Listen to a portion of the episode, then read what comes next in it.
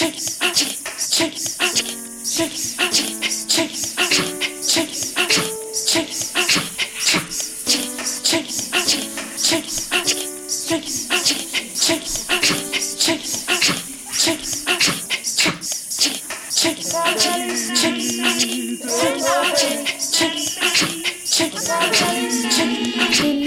lyssnar på Brandpodden. Hej och välkomna till podcasten Brandpodden. Redaktionen som den här podden består av är jag, Sara. Mig, Jackie. Jonas. Och Moa. Och ehm, vi är vissa av oss en del av tidningen Brands redaktion, men inte alla. Eh, och det är också för att den här redaktionen är lite fristående från tidningen på så sätt att Eh, tidningen Brand, som är en anarkistisk tidskrift, kommer ut med fyra temanummer per år. Och den här podden är inte tänkt att spegla temanen på så sätt, eller spegla in tidningens innehåll på det sättet, utan vi har tänkt att den här podden ska kunna vara fristående från tidningen. Om en så vill, men därmed inte heller sagt att det inte kommer bli poddar eller avsnitt eh, på de teman som tidningen också behandlar. Det kommer det säkerligen bli. Ska vi säga någonting mer om tidningen Brand, Moa? Det finns en hemsida som Mm. heter tidningenbrand.se där man kan läsa om de olika numren. Precis, och där man också kan, om man vill, köpa nummer eller teckna prenumeration. Där den här podden också kommer att hamna, va? eller hur? Ja, och Precis. den här podden, du kanske till och med lyssnar på den från Brands sida just nu. Det vet man inte. Det här finns också en, eh, om man vill kommentera eller mejla oss eller få kontakt med oss efter avsnitten så kan man eh, hitta vår mejladress där och även eh, ja, där man kan kommentera helt enkelt. Så där kan vi ha en dialog om ämnena och sådär. Idag så ska vi prata om personliga varumärket. Yes. Mm. Eh, som vi alla upplever har blivit mer och mer grundläggande för hur vi organiserar våra liv eh, och vår tid och vår ekonomi. Eh, och hur den här eh, formen för att finnas till i världen också brett ut sig och tagit sig in i våra språk och våra drömmar på olika sätt. Och vi kommer utifrån några exempel som främst Jackie och Jonas idag kommer att presentera, eh, komma in på eh, mekanismerna bakom och politiken bakom. Och den ideologiska överbyggnad som vi faktiskt skulle vilja påstå att den här typen av strategi kommer med. Ehm, och de här exemplen, kom, vi kommer börja i alla fall i kultursfären, som jag har förstått det. Eller? Ja. Ehm, men sen också då komma djupare in på just vad det här beror på. Eh, Utifrån andra exempel. Eller ja, från också arbetslivet och så vidare. Eller hur Jonas? Ja, precis. Ja, vi kommer prata mer om det sen. Men ja, stämmer det bra på något sätt? Om vad det här kommer handla om? Hur känner ni? Ja, alltså det är väl också... Alltså till viss del är det väl också en fråga om, om, om politik. Eller tänker jag också om, om motstånd. Och att, att liksom, det känns som att vi kommer att prata om hur också det personliga varumärket liksom relaterar till, till motstånd och till så här politisk kamp och, och, och subversivitet och sådana grejer. Liksom. Absolut. Eftersom vi är ju på något vis en politisk podd liksom. Och det Mm. handlar om att liksom på något vis förstå också hur det, ja, men hur det personliga varumärket eller det egna namnet liksom samverkar med motstånd och vad som är motstånd och vad som kanske, kanske inte är så jättebra motstånd alla gånger. Mm. Eventuellt. Får vi se vart det hamnar någonstans. Liksom. Tycker jag är en bra summering. Mm, vad bra. Jag tänker också att vi kommer in på det genom att prata om mekanismerna bakom. Eh, så kommer vi också förstå hur vi då liksom, kan förhålla oss till dem och arbeta mot dem. Du lyssnar på Brandpodden. Jag eh, har ju varit aktiv i ett kollektiv som heter Fantastic. Eh, och eh, jag kommer ta upp ett exempel eh, som skedde nyligen eh, i och med lanseringen av en dokumentär om kollektivet. Eh, och Fantastic är ett kreativt kollektiv som består av flertalet artister, konstnärer, DJs och arrangörer med mera. Eh, Och kollektivet har funnits i över fem år med syfte att verka för en strukturell förändring i en mansdominerad musikbransch. Och ehm, ni som inte har kollat på den här dokumentären, den finns inte ute längre på SVTs hemsida. tyvärr. Synd. Jag har Det finns en liten trailer på två minuter. den. Okej. Mm. Ty- Den visar väl inte så mycket. Du Jonas har väl kikat på den? Nej, alltså. Nej, om man inte har sett dokumentären så ser den ju ut som det mesta andra liksom. Ja, men precis. Som man ser. Mm. Men det finns ju väldigt eh, tydliga exempel där om vad som har hänt i och med att man eh, skrev på ett kontrakt med Strix som spelade in den här dokumentären. Och eh, det är då att eh, till exempel så har man eh, reducerat antalet grundare. Eh, tidigare så gick vi ut offentligt med att det var fyra till fem grundare eh, av det här kollektivet. Då. Eh, och I och med den här dokumentären så reduceras det till två personer. Ehm, och ehm, man kan väl säga att hela dokumentären speglar inte det som har varit kollektivet eller resan som kollektivet har gjort.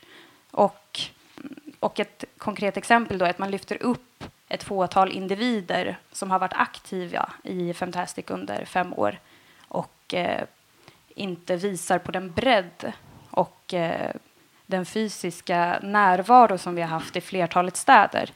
Eh, det var en period då vi både var aktiva i eh, Malmö, Stockholm och Umeå och vi figur figurerade i flertalet olika sammanhang och eh, samverkade i eh, kampanjer och eh, ja, alla möjliga grejer förutom för workshops och föreläsningar.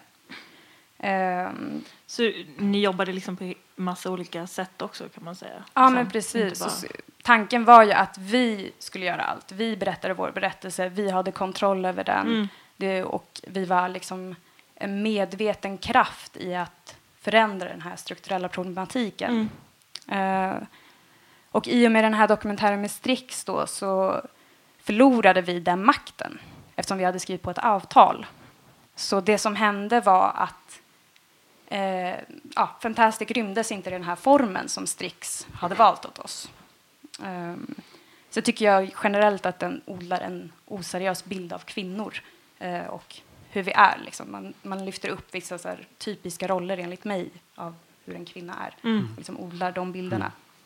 Och mm, på vilket sätt tycker du att ehm, alltså det personliga varumärket i det här fallet liksom, ehm, var det just den här reduktionen från då ehm, ja, kollektivet till den enskilda individen i, eh, i, i den här, som jag förstår det, dokumentären eller Ja, men precis. Alltså, innan har ju det inte varit någon oklarhet i att vi är väldigt många och eh, hela konceptet bygger ju på att vi nätverkar och stärker varandra och skapar plattformar för varandra.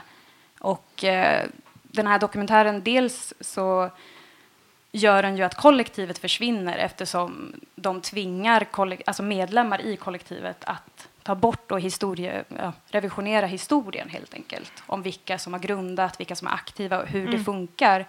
Ehm, så dels är det ju den biten, men också att man liksom lyfter upp typiska kvinn, alltså kvinnoaspekt, eller egenskaper som kvinna i dokumentären. För man väljer ju att klippa på ett visst sätt. Och det är väldigt svårt i efterhand, eh, när kollektivet redan har börjat splittrat, att gå in och ändra saker. Och när ja, alla är pressade och man har skrivit kontrakt och man kan liksom inte bryta det för man har inte de pengarna att betala tillbaka kanske. Mm. Men, det, men är det då liksom som att när, som jag fattar i den här dokumentären så är det också liksom flera, ja men det är ett antal personer, två personer eller vad är det det handlar om?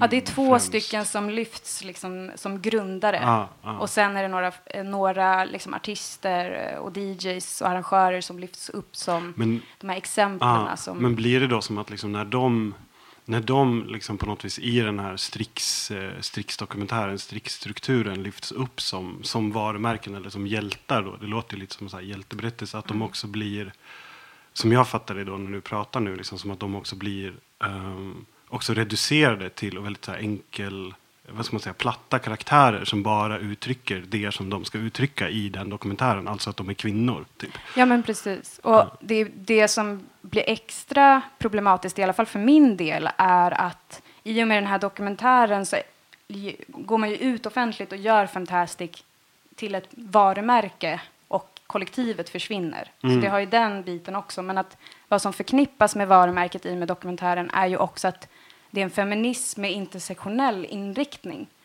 Och det stämmer inte totalt överens med verkligheten. Alltså vilka berättelser som kommer fram och hur. För att man låter ju de som är där och representerar Fantastic, den här mångkulturella bilden som man ser av den här dokumentären. Fast det blir mer som att de är skyltdockor för att de har aldrig fått berätta sin berättelse. Det är i alla fall min reflektion av det hela. Liksom. Eh, så att det blir ju dels också det här ikonbyggandet och reducerandet samtidigt av individerna. Eh, men också att man eh, ja, odlar en bild av att det går att leva ett sånt här liv. Och Ja. att alla är lyckade. Liksom. Ja. Det blir en framgångssaga liksom. Ja, men verkligen. Och det man ser i dokumentären är ju de här artisterna som går runt och eh, bedriver någon sorts kamp. Och att det går att liksom DJa och eh, göra alla de här sakerna kopplat till sitt företag fast egentligen är det inte enkelt. Och det finns inte så mycket pengar så att man kan betala sin hyra varje månad. Eh, så att det, är, det är väldigt många falska bilder som kommer upp. Ehm, och sen skapar det ju också en konkurrens inom kollektivet och utåt. Ehm, Alltså hur då menar du? ja, men dels att eh, man tar det här beslutet att inte ge plats åt den riktiga bilden av Femtastic som är väldigt många människor som har eh, varit involverade och byggt upp det här. Eh, så då blir det en konkurrens internt som utvecklar sig. Vilka som har synts, vilka har inte synts och vilka som får makt efteråt offentligt. Och, eh, sen är det ju också, Femtastic har inte varit ensam om att bedriva kamp. Man har ju liksom verkat jämte flertalet organisationer och rörelser. Så då blir det ju ännu mer en liksom, splittring där, enligt Ja. mig i alla fall. Men mm, tänker du att det här mest kommer från produktionsbolaget? Att de liksom tvingade in er i den här formen? Eller är det också en mekanism som finns för att det är, alltså jag tänker att många av oss på något sätt, alltså man tilltalas ju också av det, att så här, ehm, ja, men få mer jobb, få mer uppmärksamhet, liksom, att, så här, ja, att det som kanske var en politisk kamp för ett kollektiv också sen blir lite mer karriär typ. Liksom. Tänker att man kan se olika exempel på.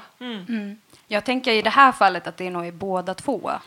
Alltså att vi har ju dels Strix som också skrev, alltså vi, vi hade ju en kommunikation, eller jag försökte inleda med flera andra en kommunikation med de som så att säga hade lite makt i kollektivet över dokumentären, alltså som hade en kommunikation med Strix och vi försökte kommunicera med Strix. Och då framkom det liksom i mejl att det här händer hela tiden, det är lugnt, eh, det är för att det ska passa liksom och få ut den här berättelsen. Liksom. Det finns förklaringar på det, Ja, man försökte liksom göra någon sorts logik i det här. Mm. Eh, Men fanns det också där en politisk motivering från Strix? Typ så här, ja men ni måste tänka på att det är viktigt att få ut den här berättelsen och visa på de här förebilderna och de här.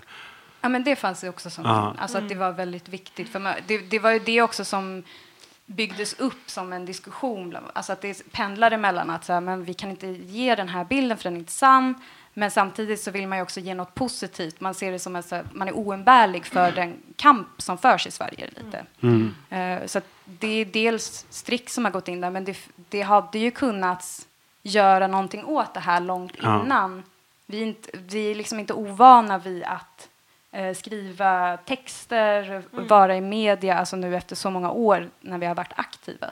Så det, det kommer ju inte som en chock att det är den här bilden som syns. Det är bara det att man har liksom tyst låtit det för, gå förbi, kanske på grund av tid, kanske på grund av... Alltså nu tänker jag på artister som har medverkat eller de som har ställt sig längst fram och velat vara liksom grundare. Eh, att man har inte tid helt enkelt. För att, Och det är väl det också som gör eh, sådana här sammanhang, alltså att det är bekvämt att låta andra ta tag i vissa produktionsdel. Eh, det är väldigt tungt att vara en artist idag och hålla i en skivbolag independent. Alltså det är mycket jobb. Så det blir liksom en... Precis, och det känns som att man måste också ha tänkt igenom det där väldigt väl som kollektiv innan och implementerat det som en del av sin, eh, om det nu är liksom, om man har politiska motiv, liksom som en del av en strategi från början. Eh, om man överhuvudtaget ska eh, ha möjlighet att göra motstånd mot de sakerna när de här erbjudandena inom citationstecken då kommer eh, att få synas som individ då och kanske utmärka sig från det här kollektivet på olika sätt. Jag menar vi alla är ju lite slavar under, under den frestelsen eller, eller eventuella liksom, ekonomiska fördelar som det skulle kunna leda till för en individ. Så här. Ja. Eh, som är den strukturen så. Ja.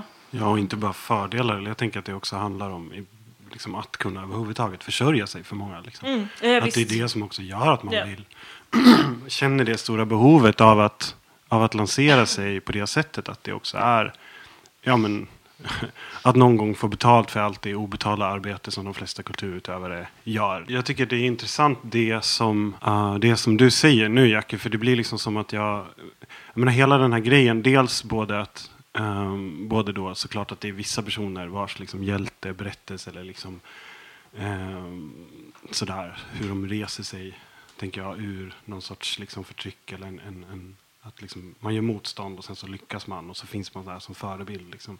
Att det är en aspekt av det här. Liksom, ja, men hur folk blir till som personligt varumärke. Men jag tycker att det är intressant också att du nämner just den här grejen kring att, att också de blir platta som karaktärer. Liksom. Att så här, på något vis de reduceras till den roll eh, som de ska representera i det sammanhanget. Liksom. Alltså de blir eh, stereotypa, tänker jag då, att det är det du beskriver. Liksom.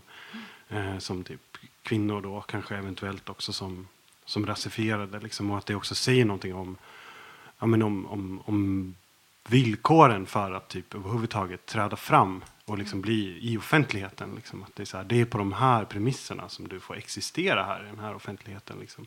Så här, du är här därför att du, menar, du är här på grund av att du har kämpat eller på grund av att du gör motstånd. Du har gjort motstånd på grund av att du är till exempel kvinna. Liksom, och att då måste du också bete dig som det. Liksom, eh, för att du ska få existera här. Liksom. och jag tänker att det är så här. Det är intressant den diskussionen om ja, men hela den situationen med också vilken arena eh, som, som, som offentligheten är och vad det är för regler som gäller där. Liksom.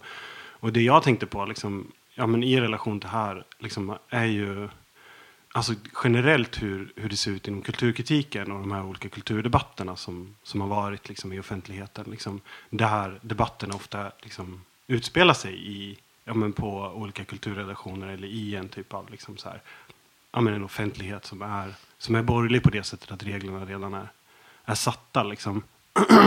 och det exempel som jag tänkte på var väl liksom, alltså det finns ju hur många exempel man kan ta som helst från, från olika kulturdebatter. Liksom. Det har ju varit både kulturdebatter och debatt om kulturdebatter de senaste åren. Liksom. Men det, fanns en, det, fanns en, det blev en intressant debatt där, tänker jag, i samband med, Uh, med rummet, som då är det här uh, uh, liksom kvinno och rasifierad separatistiska forumet liksom, på nätet som existerade och var aktivt under, under några år här. Liksom. att um, liksom, det började med hur en, det, var, det här är några år sedan, liksom, men jag kommer ihåg, det liksom började tror jag med att en, en, en ledarskribent på SVT gick ut och liksom kritiserade rummet utifrån ett så här, ja, men generellt så här konservativt perspektiv, liksom, uh, så där, som, som ledarskribenter gör. Liksom. Och uh, då var det en kultur, kulturskribent på, på DN som heter Eh, Lyra Ekström Lindbäck liksom, som gick ut och, och försvarade rummet på, på DN Kultur liksom, och sa typ i princip så här, okej men eh, vi, behöver, ja, men vi behöver de här rösterna och det här perspektivet. Vi, vi kan inte... Ja, men, den vita, jag tror att rubriken är så här, den vita antirasismen behöver rummets perspektiv. Någonting sånt liksom. du grimaserar. ja, ja, men det gjorde hon liksom. Och så här, hon var också, jag tror att det var ganska nyligen som hon också hade liksom börjat skriva för, för DN. Liksom, eller så här, ganska nyskribent, ung kvinna, hade en ganska radikal framtoning. Liksom. När var det här ungefär? Det här är typ 2013 eller någonting. Okej. sånt. Två, tre år sedan. Liksom. och eh, det som hon säger då, liksom, är ju, jag menar hon, okay, men hon som, som kommandes från det här liksom, unga radikala hållet liksom, vill då peka på så här, okej men offentligheten behöver det här perspektivet som rummet utgör. Liksom. Eh, och eh, ja då. Nej, offentligheten är ju väldigt intressant. Är det det eh, alltså förhållandet just mellan så rummet som en helt annan offentlighet men absolut en offentlighet. Kanske ännu Absolut. mer en offentlighet än vad DN Kultur är. Ja, Eh, delvis. en bredare, eventuellt, eller mer tillgänglig liksom, eftersom att DN ändå kostar pengar i, om man ska få fulla. Liksom. Ja, ja, men exakt. Men det är ju också det, det, är också det, det tar ju också rummet upp sen. Mm. För det som rummet då gör, som jag tycker är så intressant, är att de liksom på ett sätt betacka sig för det stödet. Liksom. Istället för att publicera konventionella texter där de så här påstår olika saker på sin hemsida, så hade de, eller de gjorde det också, liksom, men så hade de också, eller har väl kanske till viss del fortfarande, att de har såna här chattloggar, liksom, där de också så här, de diskuterar en fråga och så lägger de ut chattloggen som är liksom en lång text. Liksom. Och då diskuterar de just det här att den här skribenten då har gått ut och försvarat dem. Och eh, är väldigt, väldigt kritiska mot den här skribenten som försvarar dem. Nästan mer kritiska än vad de är mot, mot den här, alltså såklart de är Den kritiska mot det också. Mot, mot den här ledarskribenten då som så här, eh, den här gamla konservativa gubben liksom. Eller vem det nu var, jag vet inte. Kanske var en kvinna, I don't know. Liksom. Men att det är så intressant med den kritiken av det, det stödet. För att det på något vis också visar på att ehm, det inte bara är en fråga om liksom, eh, om support. Liksom, utan det är också, det de pekar på genom att göra det är ju också den, eh, liksom den arenan i vilket stödet eh, liksom ges. Typ. Att så här, det finns någonting i DN Kultur och i liksom den offentligheten som inte är helt neutralt. Liksom. Och de gör det liksom, dels genom att eh, Dels genom att gå ut och säga så här, okej, men vilka vi? Typ. Vi behöver dem, vi. Vi, vi, vi vilka vi? Jaha, okej, men då är vi, vi som inte är vita då, vi rasifierade, vi är, inte, vi är naturligt inte inkluderade i den offentligheten. Och vad fan är det för jävla stöd liksom? Och att de dels pekar på det, men också genom det sätt som de genomför det på, som en chattlogg, eh, också försöker på något vis att iscensätta, som jag då tolkar det, iscensätta ett annat sätt att typ, diskutera de här grejerna och föra en annan kritik och att de då inte gör det direkt åtminstone på, på DN Kultur. Så jag tycker att det är, ja, men det är ett De intressant bemöter det på sin egen arena, liksom. Ja, I sin absolut. egen infrastruktur och för sina egna eh, läsare. Inte Ja. för DNs läsare. Liksom. Gå Nej, med på det spelet. Liksom. Mm. Vilket ju då blir en fråga om att bygga upp en annan kollektivitet, liksom, Mm. en mot offentlighet eller vad man ska säga. Liksom. Ehm, men sen tycker jag att liksom generellt att det som sägs i den här artikeln också är väldigt intressant. Att jag tror att den som har skrivit artikeln, hon som har skrivit den här, um, Elira Ekström Lindbäck, liksom, att hon också har en känsla för också att det faktiskt är så att den här offentligheten behöver de här rösterna. Och jag tänker att det är intressant, liksom, för jag tror att det också ligger ett korn av sanning i det. Liksom. Typ, alltså, eh, vad, och det, det får man ju undra, liksom, så här, okej, på vilket sätt, vad är det för behov hos liksom, DN, hos, hos en borgerlig offentlighet, hos kapitalet kanske man kan säga, liksom, som gör att de här andra rösterna, de här subversiva rösterna behövs i den här offentligheten. Liksom. Och sen, så jag menar, sen lite senare så publicerar de också ett svar på DN. Liksom. Och, där de, och då de liksom, och liksom, där rummet också, flera av de medlemmarna är ju liksom, som tidigare var med i rummet, är ju nu liksom ganska liksom, ja, men, förhållandevis framgångsrika kulturskribenter och helt och hållet liksom, i offentligheten. Liksom. Så att det är De har, liksom, de har lyckats bygga sina personliga varumärken. Ja, men det kanske man kan säga. Liksom, Och lyra också då, liksom. Jo, jo, för att komma ja, tillbaka till det. Liksom. Absolut, liksom, absolut. Men det är intressant. I och den här, med.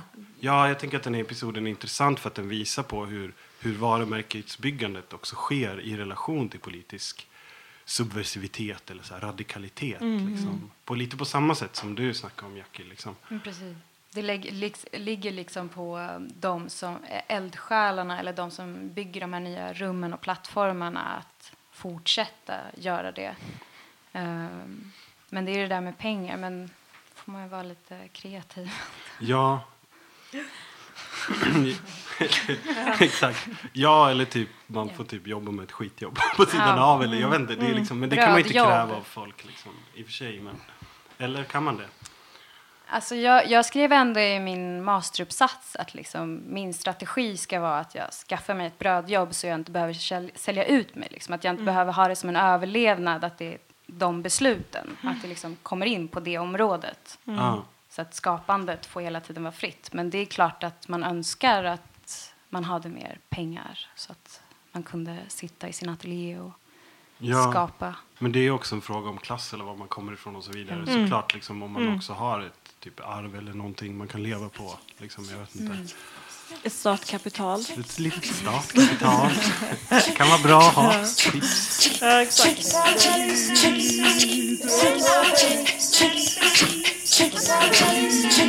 Du lyssnar på Brandpodden. Ehm, jo, men jag skulle kunna faktiskt dra ett helt annat exempel men som relaterar ganska mycket till det som just nu sägs om hur eh, varumärken blir till och vad det bygger på. Framförallt i relation till det här eh, eh, otroliga fixeringen vid förebilder som nämns här. Liksom. Och vilka det är som ska vara förebilder för, för vem och så. Eh, och i det här fallet så blir det nästan som att det är vissa personer som ska vara förebilder för en viss typ av plats. Och det är mitt, mitt eh, eh, eller det jag har tänkt på är en debatt som har varit och förts på Södra sidan, den här lokaltidningen som finns i södra Stockholm. Ehm, det är en lokaltidning lite liknande som Mitt i, fast bättre, skulle jag säga. Ehm, som eh, på senaste tid, eh, där har det skett en, en debatt, alltså lite grann med insändare som jag förstår det. Eh, så, eh, som har, där det har debatterats en video som har kommit ut med en hel del unga och lite äldre hiphopartister från Botkyrka. Ehm, och den här videon heter Botkyrka del 2. Det är inte så himla intressant egentligen vad den här videon innehåller eller vad som... Det är liksom en kärleksförklaring till Botkyrka på olika sätt. Mm. Ganska bra marknadsföring om platsen i sig. Så, det är en jättetydlig kärleksförklaring. Långt från lagom, liksom. liksom. Långt från lagom, exakt. Och det tas även upp, den här linen finns med i videon, liksom, Mhm, eller i Kan låten.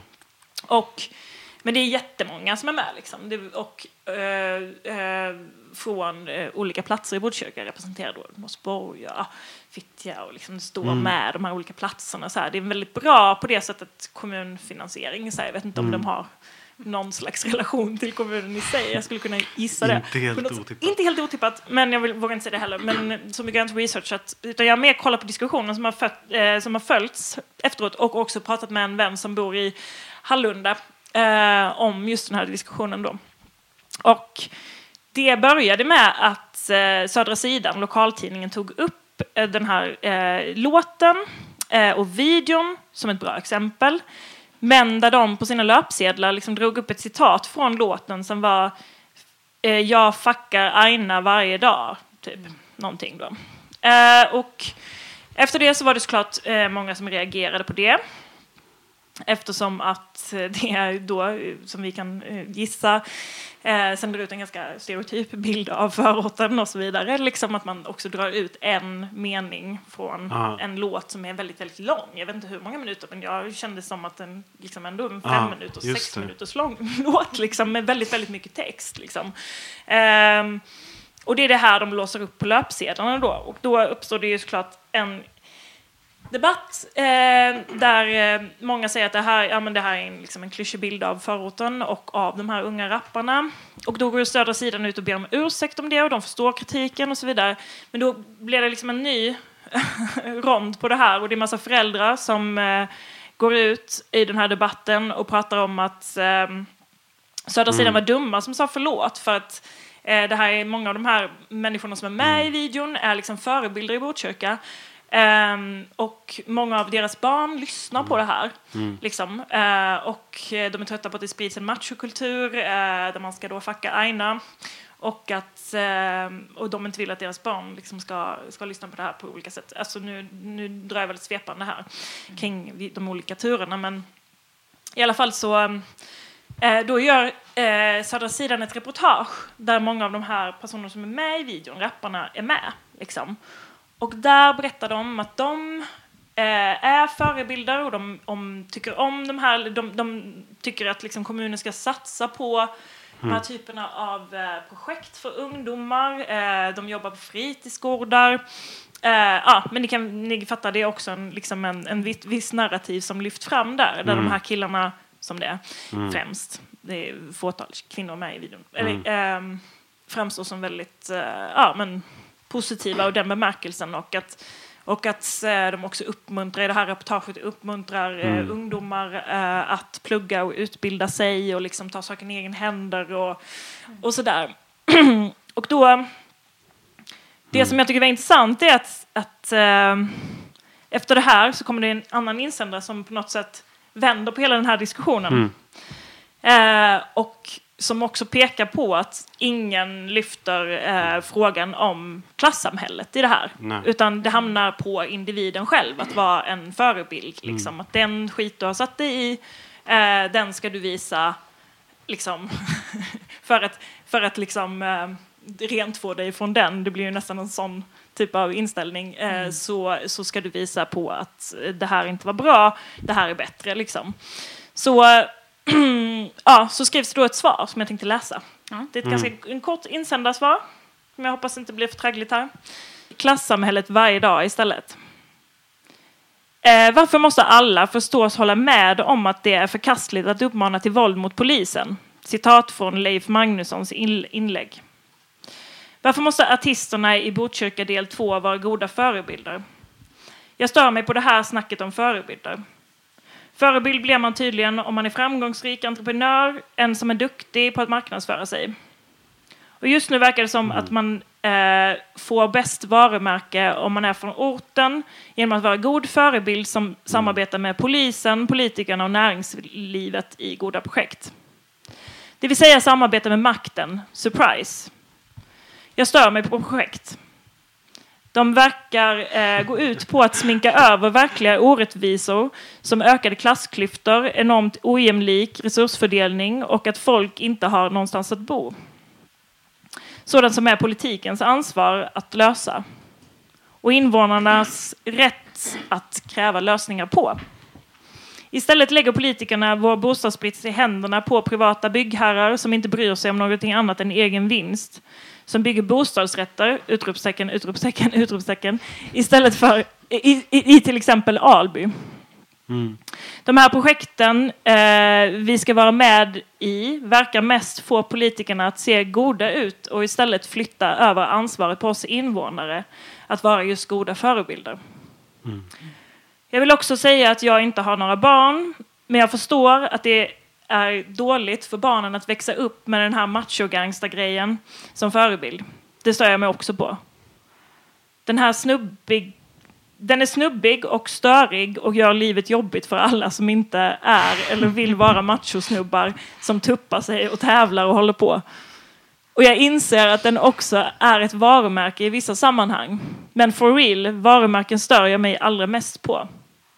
Vi behöver inga machosnubbar eller byggherrar eller varumärken eller entreprenörer eller projekt. Vi behöver att resurserna omfördelas från storföretagen, skattesmitarna och de sjukt rika till alla oss andra. Hallundabo.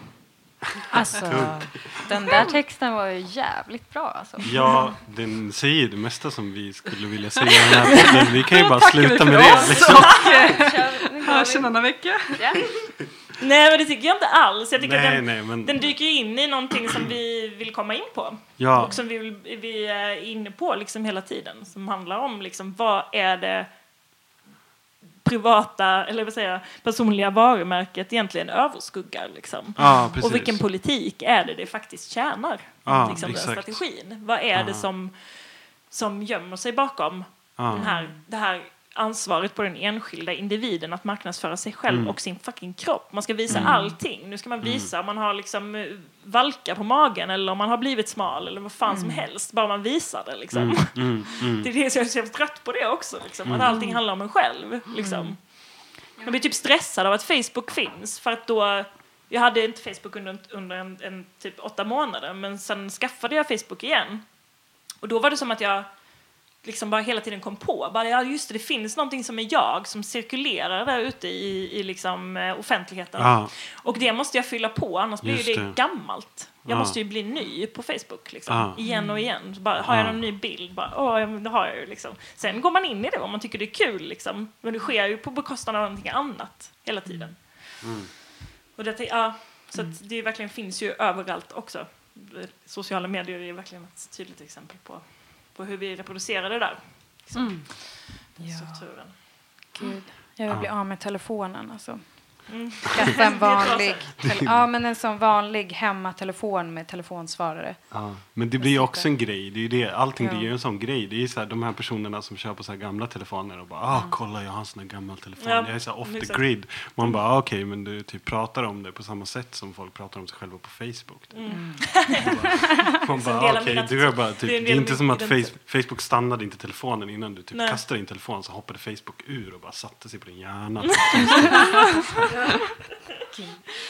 Ofrånkomligt. Ja. Går Men- inte.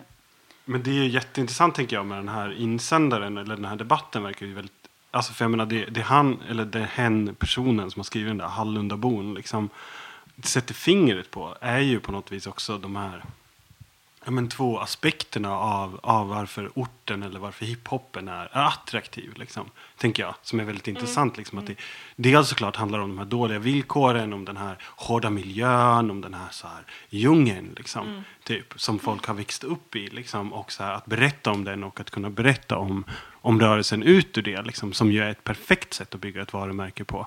Och också kommer med det här nya, liksom, det här det här som Lyra Ekström Lindbäck efterfrågade i den här artikeln. Liksom. Eh, det här. Men, men samtidigt så det som jag tänker att den artikeln sätter fokus på är ju också att det finns någonting som följer med det här som också är en beskrivning av folks verklighet, av klassamhället. Liksom. Det är hårt liksom. Så här. Men man, man får liksom inte prata om det här, den här hemska djungeln som att den skulle kunna vara någonting annat. Om vi gjorde någonting annat. Utan den ska vara där som en, så här, en objektiv natur, ett objektivt villkor ur vilket vissa individer reser sig som så här, stora jävla vackra torn. Liksom, Som alla kan Statyer. titta på. Statyer, liksom, så här, stora bilder av, av sig själva. Liksom. För Men när de villkoren egentligen är liksom, klassamhället som ju är liksom, helt jättepolitiskt. Liksom. Och fuck aina är ju också, jag menar, om man vill liksom Vadå, det är ju också en erfarenhet av klassamhället. Att bli utsatt för Verkligen. polisvåld. Liksom. Det är ju så. Det är ju så överallt i hela jordklotet. Liksom. De fattigaste blir spöade av snuten. Liksom. Så Sen är det man själv som skiten då om man yttrar det. Liksom. Ja, och så får man skiten om man yttrar det då. Därför att det ska inte platsa i den här. Och jag menar, man kan förstå föräldrarna, de vill inte att barnen ska bråka med polisen och så vidare. La, la, la, la, la, la. Men faktum är ju också att polisen är ju rasister och typ tycker inte om förorten. Liksom. Ja precis, och det är ju så himla tröttsamt att det är alltid är individen som är utsatt. Liksom. Man vill Ja. inte att ens barn ska, ska bråka med polisen, nej självklart inte. Liksom. Det är väl ganska självklart, så här, man vill inte att ens barn ska åka dit liksom, och råka ut för det. Men å andra sidan så är det bara den egna... Man vill inte att ungarna ska åka dit. Så länge du inte åker fast. Inte. Nej men, eh, ja, nej, men det, det, eh, det jag tänker på är ju, alltså man har ju den här liksom plattformen som individerna verkar i, där de reser sig då, blir de här ikonerna. Ja. Men jag tänker på så här, verkligheten, när vi ändå pratar om hiphop och förort Ja, och språket som man slår med. För det är ju väldigt viktigt att liksom prata på ett visst sätt om man ska kopplas till det. Och hur det ser ut i verkligheten. Jag, menar, jag kan ju inte gå runt och prata Rinkeby-svenska hela tiden.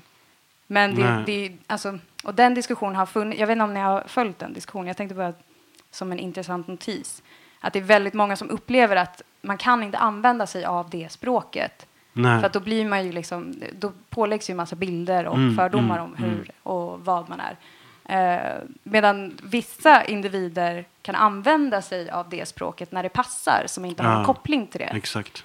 Eh, vilket också i det här sammanhanget blir lite intressant att så här, de här förebilderna, den här machokulturen, den är ju inte bra, men de berättelserna, liksom, och, eller den varandet som är, eh, är i verkligheten hos vissa individer, där är man ju reducerad. Man kan inte liksom vara den människan, för då blir man ju dömd ut efter det. Ja, ja. Eh, men man kan göra karriär på det. ja, Eller- precis. Det är vissa sammanhang det funkar inte så bra när du ska typ sitta på en arbetsintervju. Liksom. Nej, Nej men, det, det, men mm, det går att använda sig av det språket som kanske vit kvinna Ja. utan koppling till det.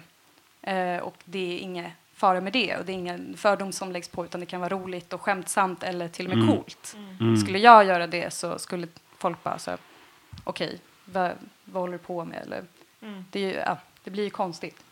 Ja. Jag tycker det är så intressant med den här kommunsloganen, långt ifrån lagom, liksom hur den är.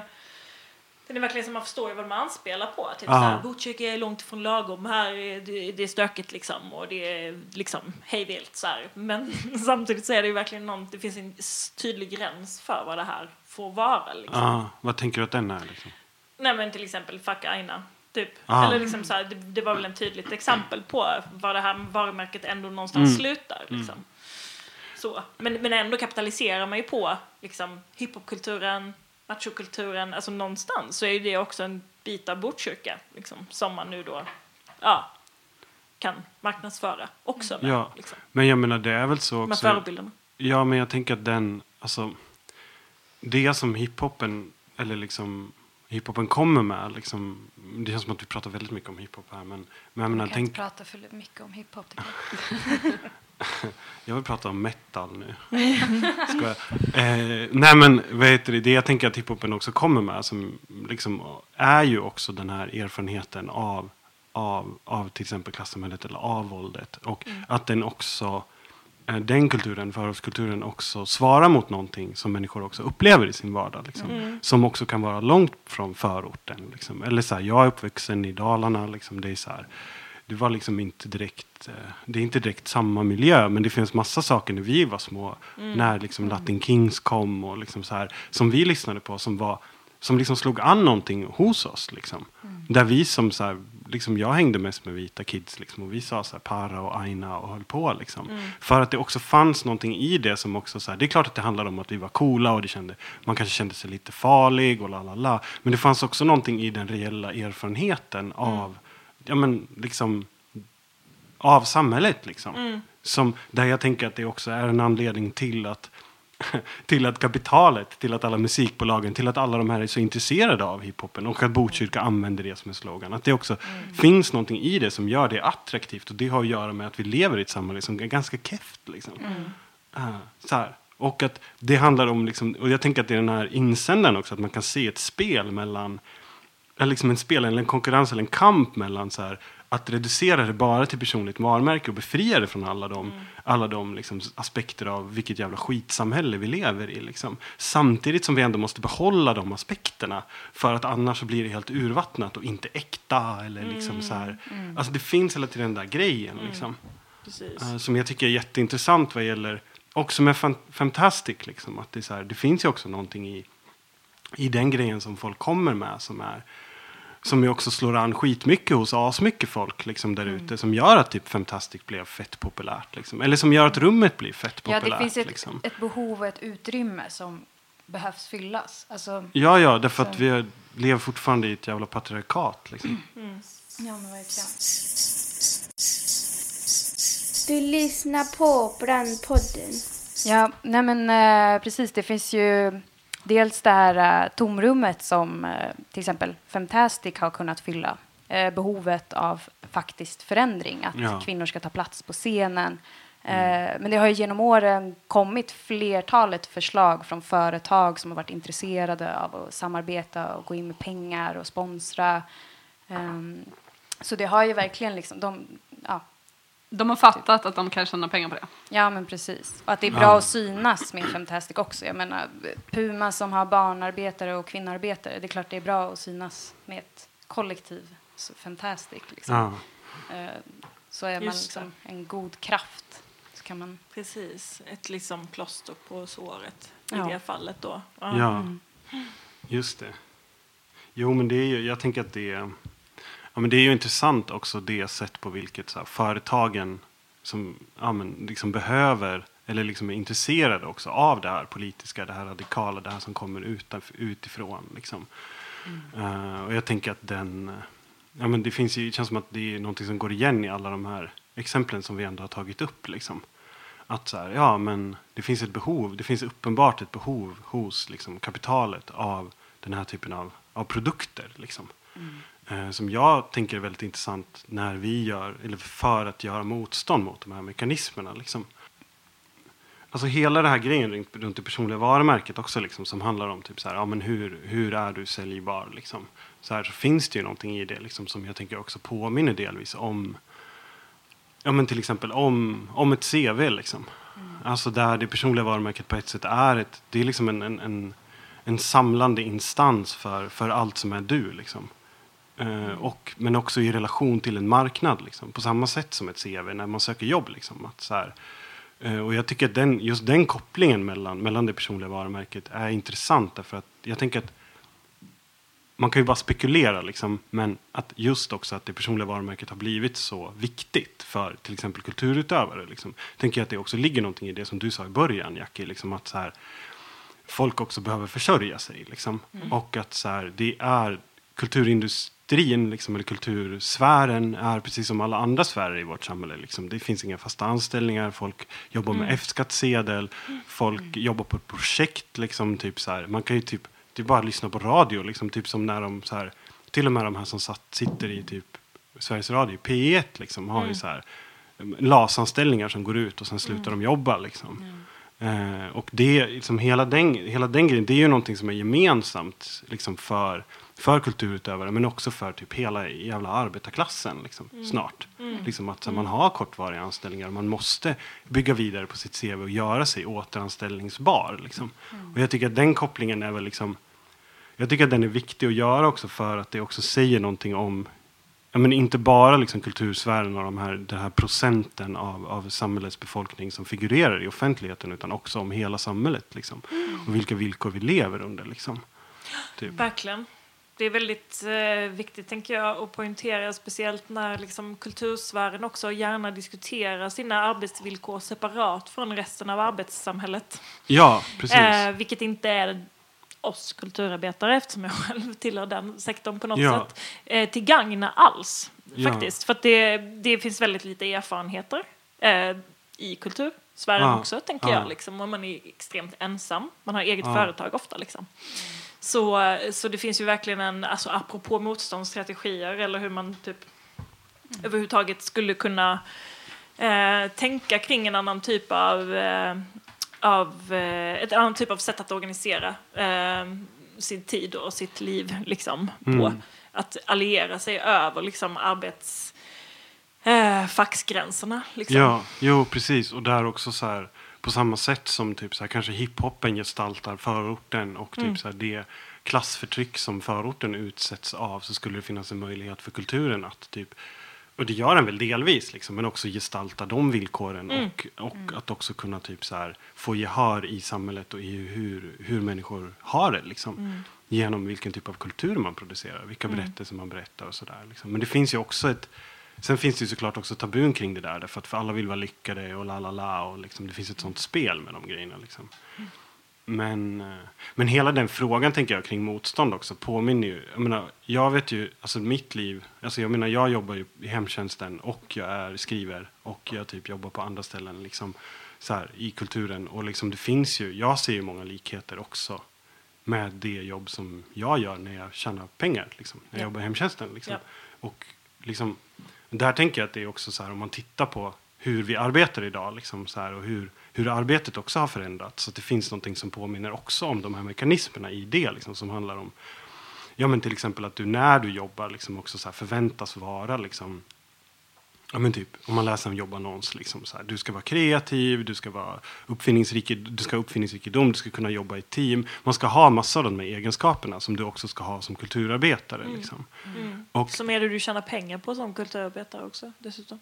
ja, ja, precis. Liksom. Och det Alltså från säger, början. Så. Men att det har ätit sig in i den andra ja, precis. Arbetsmarknaden ja, också. att det liksom har, har plockats upp av, av eh, Ja, men av arbetsmarknaden Mm. i stort. Liksom, Där det också handlar också typ, om man tittar på det historiskt, tänker jag att det också handlar om motstånd. Liksom. Att så här, samhället också de- delvis har utvecklats från att kanske vara ett, så här, liksom en, ett, ett samhälle där de flesta jobbade i fabriker eller man jobbade Mm. i en automatiserad produktion, liksom, det som kallas för Fordismen. Liksom. Mm.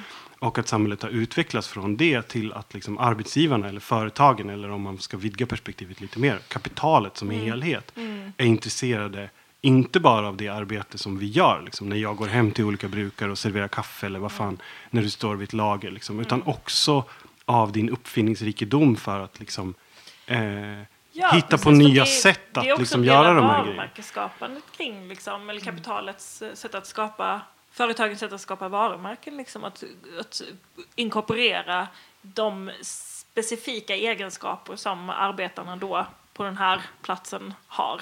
Så.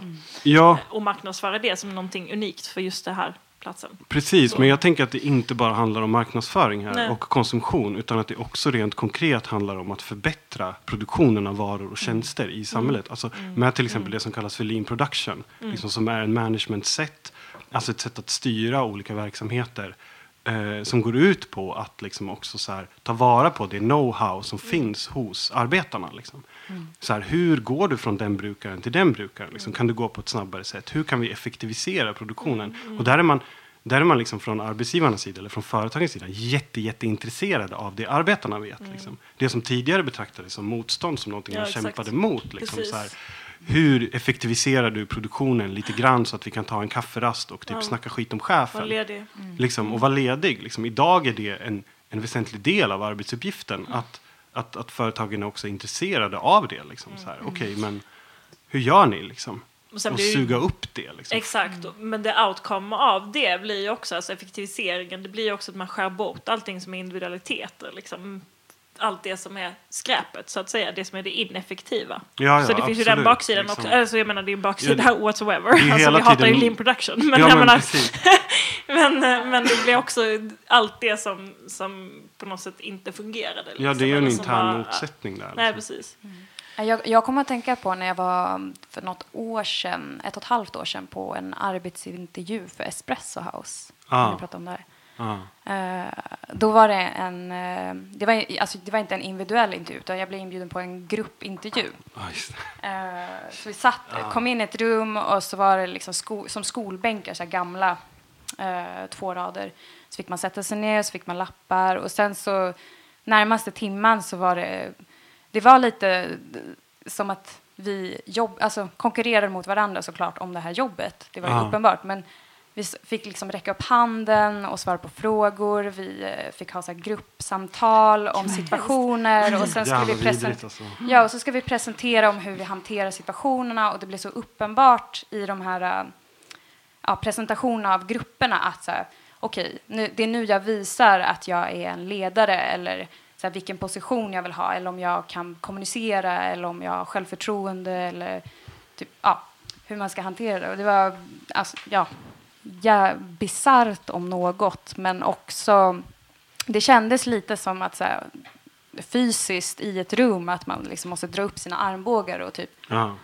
slå till folk för att få den här tjänsten. Ehm, som också i annonsen bör- presenterade det som att så här, du kommer stå på en scen och du kommer göra kaffe, du måste kunna liksom Ja, ja. underhålla och... Men du är typ en performanceartist. Ja, men liksom. typ. Men jag Ja, ska göra ju- kaffe Ja, precis. Men då är det ju också plockat upp ett, liksom ett sätt att göra saker som kommer från kulturen och konsten. Och liksom så här, du ska Mm. vara som en artist på en scen. Liksom, vad fan är det för jävla... liksom, Barista-konstnär. fucking bara kaffe liksom. Ja, visst.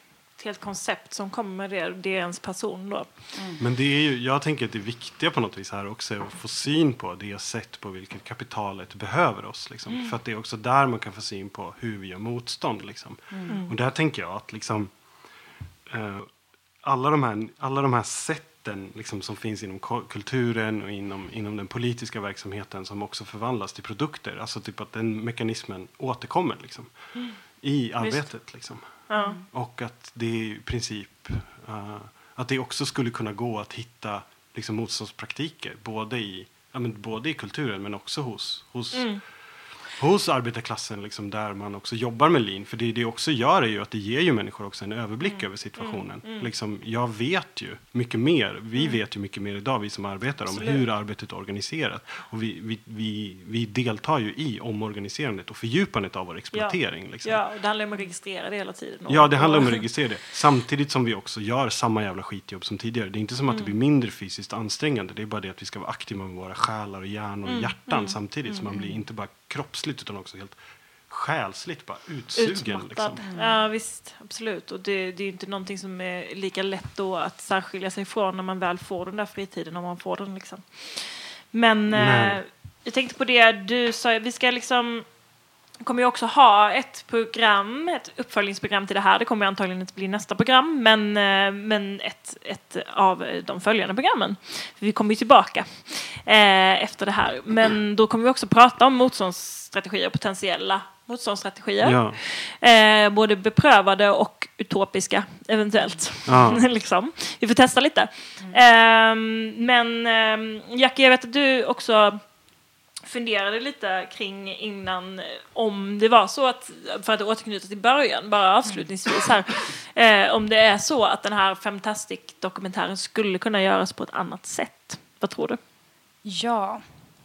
Alltså, jag tänker lite först på direkt på det här formatet som dokumentären kom ut i. Eh, och att om det skulle göras på ett annat sätt med det här formatet så tror, skulle det inte gå. Nej. Och fylla liksom hela historien om Fantastic, sex avsnitt, tio minuter, fem år och allt det som vi har gjort. Nej, det, Det- går liksom och inte det- att reducera till Nej, något. men precis. Och är det önskvärt? Liksom? Precis. Nej, precis. Det är det ju inte. Men jag tänker om vi skulle ha gjort det på ett annat sätt så skulle vi ju behöva liksom hitta några som vill filma för det första och som vill jobba med oss och höra om vår berättelse och hur den ska framställas. Att det finns några som, med en kommunikation mellan Mm. produktion och Ja. faktiska kollektivet. Eh, Så det går ju att göra det på ett annat sätt. Men då skulle det ju kräva att vi skulle jobba som vi alltid har gjort och göra det själva och hitta de människorna vi vill samarbeta med. Mm. Ehm, och eh, ja, det är väl det enda Nej. tänkbara sätt jag tänker. Om inte vi skulle Precis. strikt skulle göra något helt annat Kanske. format eller Ja. lyssna på oss eller ja. Jag tänker att kanske handlar det om att göra det själv, eventuellt. Eller så handlar det om att inte göra det överhuvudtaget. För det kanske inte var heller det som var kollektivets idé, att man skulle Ja.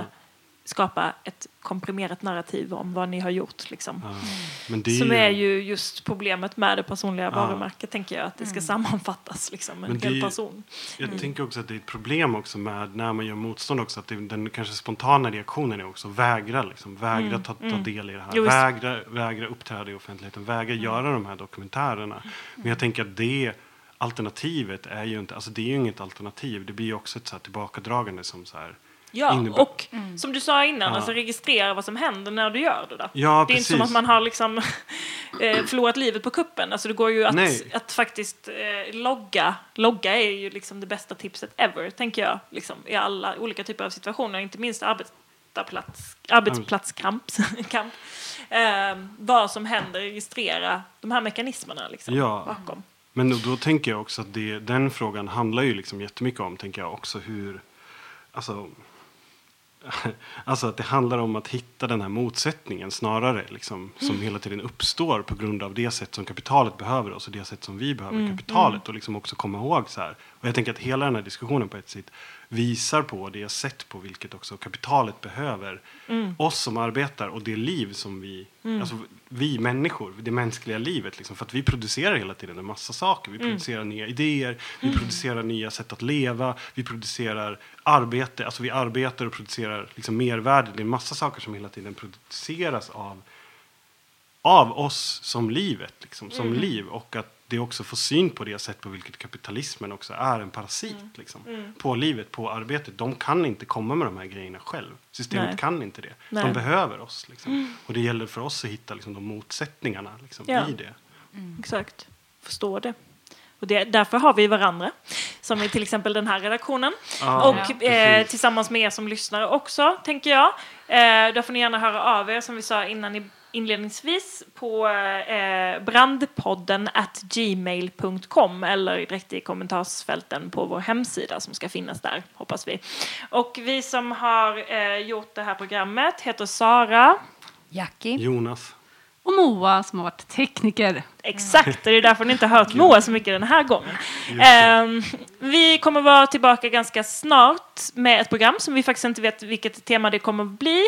Men det kommer komma program om konst, vet vi, om motstånd eh, till de här eh, personliga varumärkesstrukturerna, om representation och eventuellt något på eh, det gamla temanumret det lokala. Vi får Ah. se. Någonting blir det. Eventuellt om hälsa. Om hälsa också. Det Ja, blir det många det kommer, det kommer komma mycket. Så, så eh, eh, håll koll på oss, helt enkelt. Vi finns på tidningenbrand.se. Tack så mycket. Tack, tack! I gotta